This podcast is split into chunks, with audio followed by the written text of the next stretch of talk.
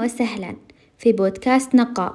معي أنا نجود محمد، فكرة بودكاست نقاء راح أشارك معكم آرائي الشخصية وتجاربي اللي راح تفيدكم في عدة مجالات، وممكن مستقبلا ترسلون لي تجاربكم أو قصصكم اللي مريتوا فيها ونستفيد بشكل أوسع وأكبر، وقبل نبدأ حلقات بودكاست نقاء حبيت إني أخصص أول حلقة تعريفية عن فكرة البودكاست وعني أنا محدثتكم بشكل مختصر ولطيف، من هي نجود؟ نجود إنسانة محبة للفن، أمارس الرسم تحديدا البروتشري، تجذبني اللغات وبدأت مشواري في تعلم اللغة الصينية منذ ثلاث سنوات، مهتمة في القراءة والكتابة، نجود تحب التعلم والتطوير بشكل مستمر، مريت بتجارب ومواقف كثيرة أخذت منها دروس وتعلمت منها، في رحلتي مع بودكاست نقاء راح نستفيد من بعض ونشارك آراء وتجارب بعض، بودكاست نقاء للجميع في جميع أنحاء العالم